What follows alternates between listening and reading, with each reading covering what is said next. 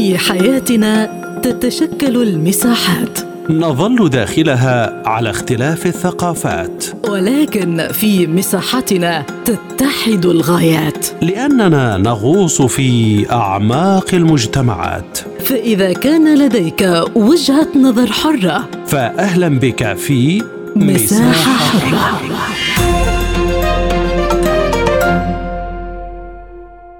أهلا بكم في هذه الحلقة من مساحة حرة معكم فيها عبد الله حميد.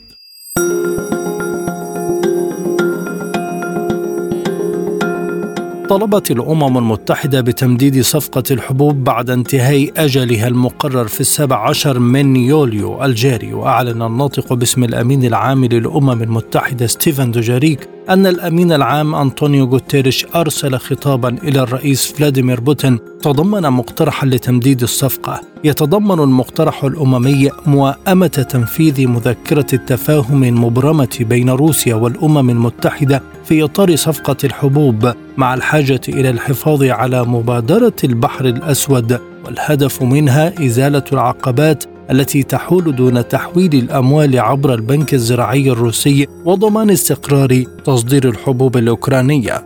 وسائل الإعلام لفتت إلى اقتراح غوتيريش تمديد الصفقة لعدة أشهر إلى أن يتمكن الاتحاد الأوروبي من ربط فرع للبنك الزراعي الروسي بنظام سويفت للتحويلات المالية. إلى ذلك تعمل تركيا على حل مشكلة تمديد صفقة الحبوب مع الأخذ في الاعتبار اقتراحات الرئيس فلاديمير بوتين في هذا الصدد بحسب ما قاله الرئيس التركي رجب طيب أردوغان.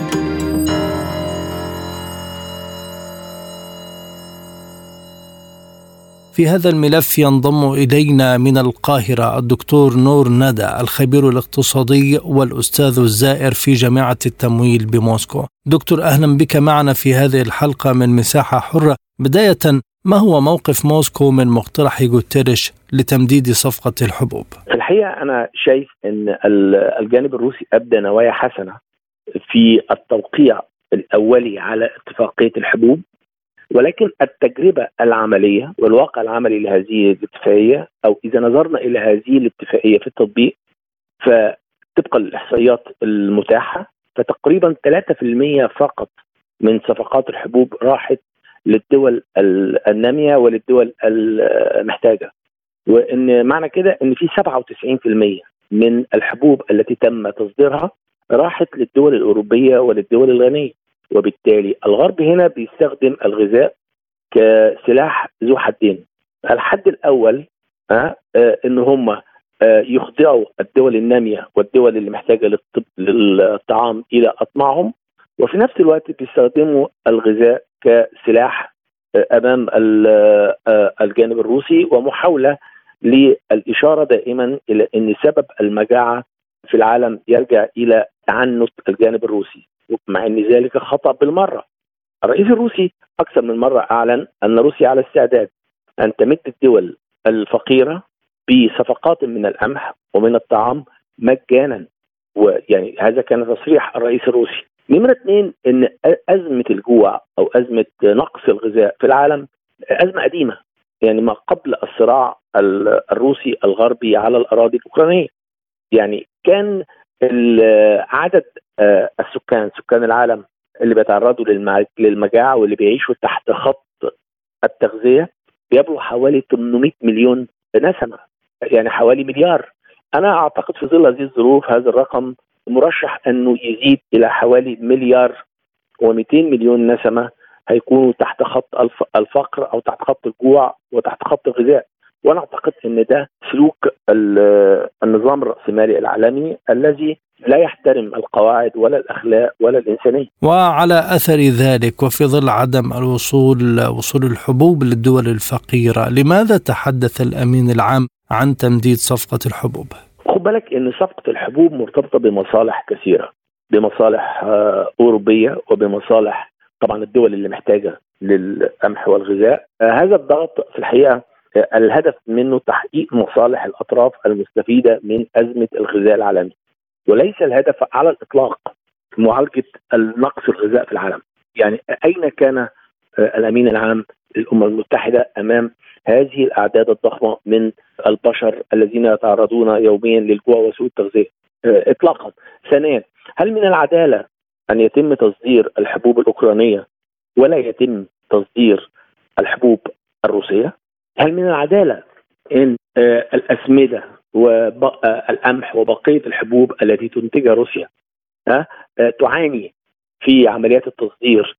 وهذه الاتفاقية تمنح فرص للتصدير من الموانئ الأوكرانية، أعتقد لو كنا بنتكلم عن عدالة أو بنتكلم عن سلام دائم فيجب أن تكون هذه الاتفاقية اتفاقية عادلة لجميع الأطراف سواء كان الطرف الروسي أو الطرف الأوكراني أو الطرف الأوروبي أو الدول المستوردة للغذاء، لكن أن تدار هذه الاتفاقية التي يتكلم عنها الأمين العام للأمم المتحدة من منطق تحقيق مصلحة طرف واحد في هذه الاتفاقية فده معناه ظلم للأطراف الأخرى. ما هي الضمانات برأيك المطلوبة لتنفيذ الشق المتعلق بروسيا في الاتفاقية؟ أنا رأيي على روسيا على روسيا أن تتمسك بالآتي.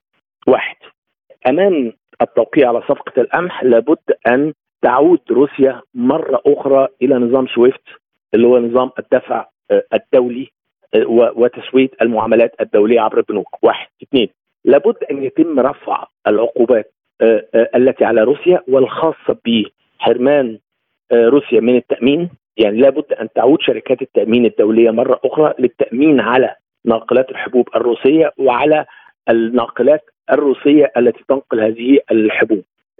الضمانه الثانية هو لابد أن يتم رفع الحصار اللي مفروض على السفن الروسية أثناء تنقلها في موانئ العالم، بمعنى أن السفن الروسية لابد أن تحصل على الصيانة اللازمة والدعم الفني والدعم المادي اللازم أثناء إبحارها بهذه الحبوب. أنا أعتقد أن هنا الجانب الروسي محاصر، يعني حتى لو صدر طب هياخد هياخد المقابل المادي هياخده عبر إيه؟ إذا كان هو محروم من الاستفادة من نظام سويفت. المقترح فقط في مسألة سويفت هو فتح فرع للبنك الزراعي الروسي وهذا ما يحاول فيه الأمين العام للأمم المتحدة، فهل تقبل روسيا هذه النقطة فقط؟ اعتقد أعتقد كحد أدنى يجب عن روسيا يجب على روسيا أن تقبل هذا الاقتراح لأن ده اختراق وده يعتبر ضرب أو بداية لانهيار حرمان روسيا من نظام سويفت وأعتقد إن ده بداية لدخول روسيا في نظام سويفت. أنا أعتقد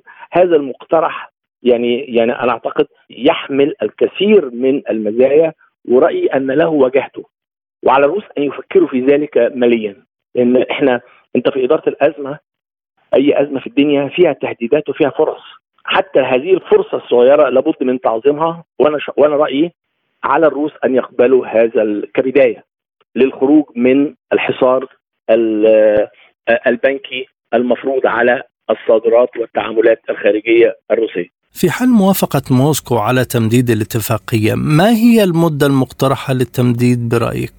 أنا رأيي نظرا لأن الغرب ما يضمنش قوي والغرب بيثبت كل مرة أنه كذاب وفي كل مرة يبدو كأن الروس ناس طيبين و و و والغرب دائما يؤكد أنهم مجموعة من الأشرار لذلك أنا أعتقد أن تمديد تمديد هذه الاتفاقية لابد أن يكون إما ست شهور أو سنة ولكن حتى أقصى سنة حتى نسمح للجانب الروسي أن يعيد النظر وأن يقيم هذه الاتفاقية وإن كانت ليست في مصلحه في في مصالحه أو أو أو إذا كانت لا تخدم مصالحه الوطنية العليا فيجب أن يوقف العمل بهذه الاتفاقية، أنا أتكلم هذا الكلام وأنا من مصر.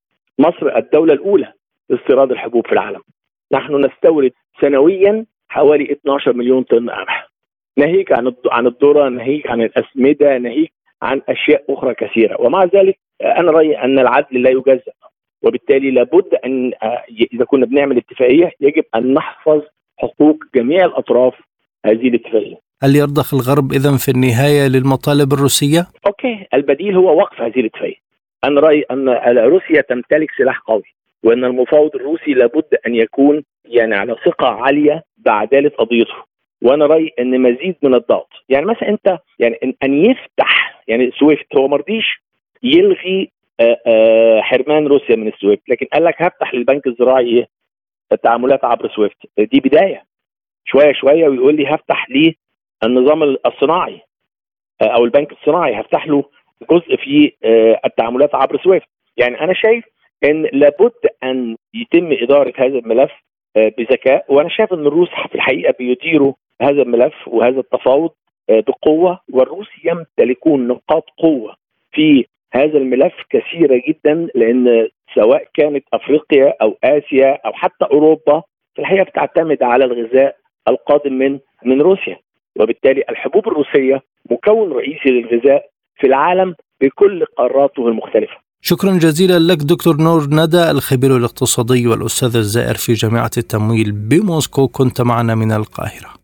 من لندن ينضم إلينا الدكتور نهاد إسماعيل الخبير الاقتصادي. أهلا بك دكتور، ما هي الأسس التي بنى عليها الأمين العام للأمم المتحدة رسالته إلى الرئيس فلاديمير بوتين لتمديد صفقة الحبوب؟ نعم هذه صفقة هامة جدا وحيوية للاقتصاد العالمي وللدول التي تعتمد على الحبوب آه، مثل القمح واستيراد القمح من أوكرانيا وروسيا ذاتها.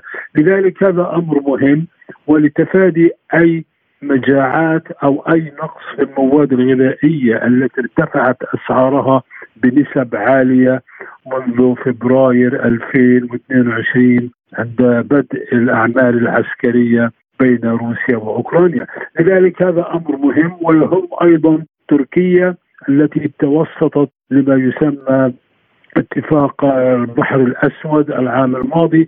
لذلك من مصلحة الجميع مصلحة الاقتصاد العالمي مصلحة روسيا وأوكرانيا ولازاله التوتر أو تخفيف التوتر القائم الآن التوتر الجيوسياسي. المهم جدا أن يتم تمديد هذا الاتفاق ولتلبية الحاجة العالمية. ولكن هناك تحفظات من قبل روسيا تتعلق بمسائل تتعلق بالدفع من خلال البنك الزراعي الروسي.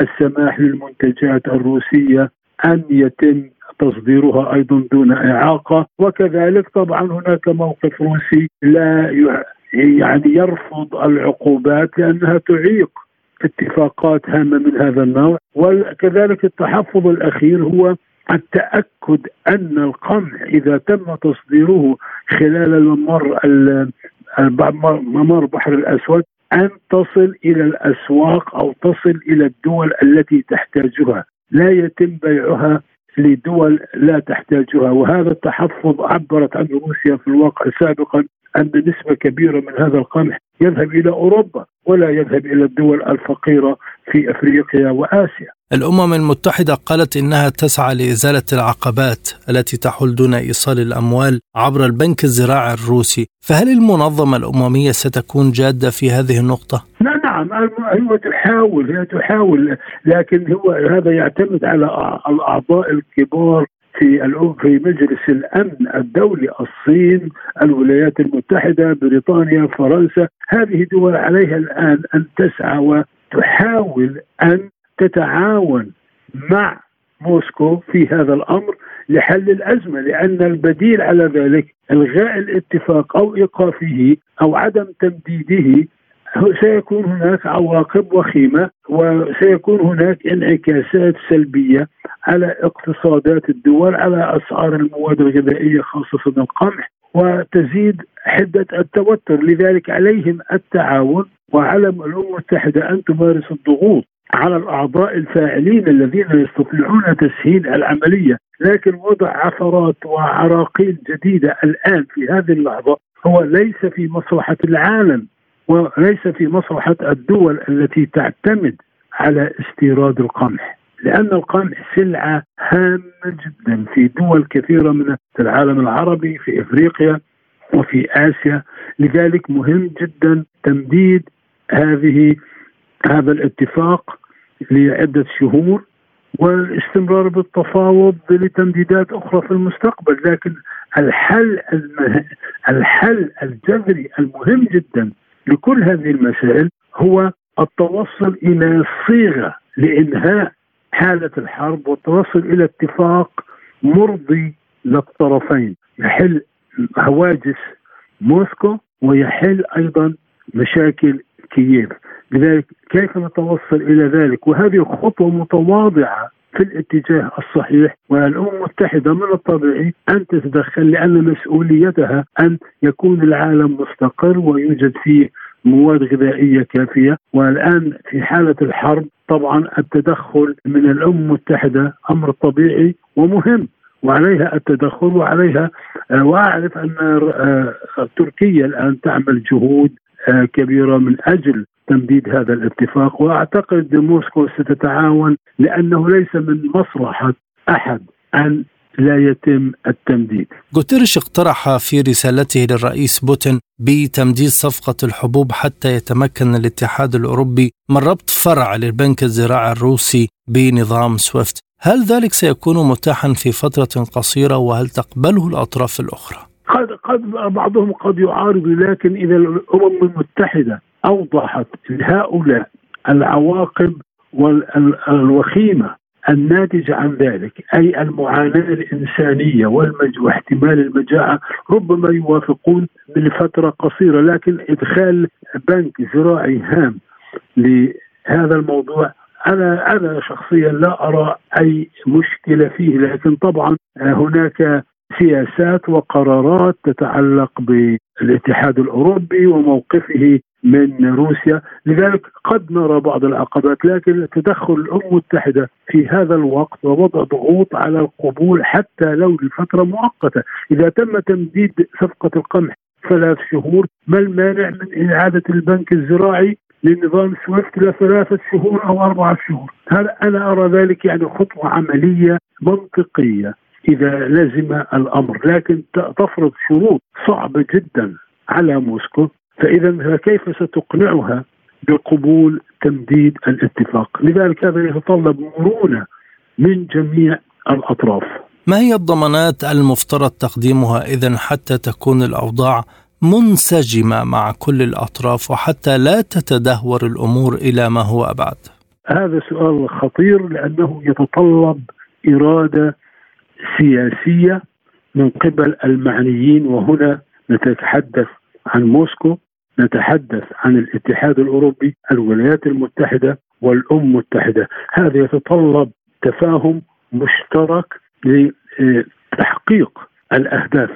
الضمانات هي أن إذا هذه الدول وافقت ووقعت وأعلنت للعالم من خلال الإعلام أننا سنوافق وسننفذ وإلى آخره لا يستطيعون الانسحاب وتغيير رأيهم في اليوم التالي لأن هذه اتفاقات دولية مهمة كما صمد الاتفاق السابق الذي وقع أعتقد في سبتمبر 2022 لا مانع من اتفاق جديد وتلبية المطالب الروسية لضمان وصول القمح لمن يحتاجه من الدول خاصة الدول الفقيرة التي لا تستطيع دفع أسعار باهظة لكندا والولايات المتحدة مقابل القمح. القمح الذي يأتي من خلال البحر الأسود من أوكرانيا ومن روسيا أيضا هو قمح بأسعار معقولة يستطيع العالم شراؤه. لهذا السبب تعتبر مصادر هذه المنطقة يعني روسيا وأوكرانيا مناطق هامة جدا تغذية العالم وتزويد العالم بالغذاء لذلك أرجو أن يكون هناك اتفاق ومن المتوقع أن يتوصلوا إلى صيغة لخلق الفرصة لتمديده و لعدة شهور. في هذا التوقيت دكتور تتحدث الأمم المتحدة عن عرقلة التقدم نحو تحقيق هدف العالم الخاص بالقضاء على الجوع بحلول عام 2030 فما البدائل؟ وهل تتجه الحكومات والتكتلات السياسية الكبرى لحل هذه المشكلة؟ نعم نعم. هذا البدائل لا يوجد بدائل سريعة الآن تدعس على زر وتحل المشكلة. البدائل تأخذ سنوات من الدراسة ورفع الإنتاج هنا وهناك. وهذا وهذا المقترح البدائل البدائل أن هناك عدم ثقة أن الحرب ستنتهي وستعود الأمور لطبيعتها. أنا أريد أن أرى أو العالم يريد أن يرى إن نهاية لهذا الصراع بين أوكرانيا وروسيا والتوصل إلى حل سلمي يسمح بتصدير كل المنتجات وإيقاف الأعمال العسكرية وتلبية ومعالجة مخاوف الطرفين. روسيا لا تريد أن تكون أوكرانيا ساحة للناتو وتهدد الأمن الروسي القومي. وكييف تريد الحرية أن تلتحق بالاتحاد الأوروبي وبالناتو. لكن هنا مطلوب ضمانات للطرفين. روسيا تريد ضمانات أن أوكرانيا لن تكون قاعدة عسكرية تهدد أمنها وحدودها. وهذا مطلب شرعي وحقيقي.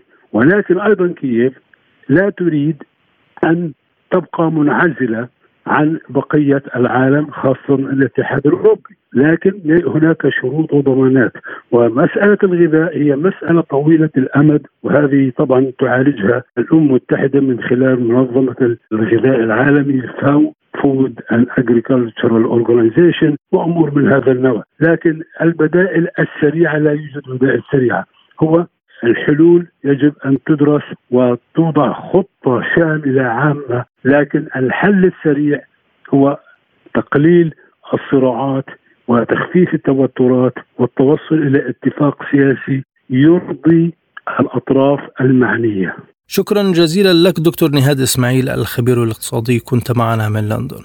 من غازي عنتاب ينضم إلينا الدكتور إبراهيم أرسلان أستاذ الاقتصاد في جامعة غازي عنتاب أهلا بك دكتور. كيف يساهم المقترح الأممي في إنجاح صفقة الحبوب إذا قدم ما يتجاوب معه كل الأطراف؟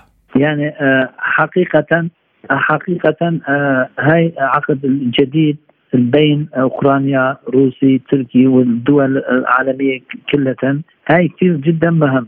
أنا بشوف روس روسيا بوتين آه، محقق هو له شروط مع أوكرانيا مع تركي يعني هذا العقد شوي آه، صعب. لأن شروط ليش؟ يعني مشان ذرة قمع آه، شعير توزيع كثير مهم جدا مشان الدول أفريقيا الدول أوروبا الدول تقريبا 180 دول كلها ينكرون هذا العقد فورا. تاخذ نتيجة مثبت مهم. ليش؟ آه، يعني روسي والتركي بينن علاقه كثير كويس، أوكرانيا والتركي بينن علاقه كثير كويس، التركي بدل آه، هاي القسم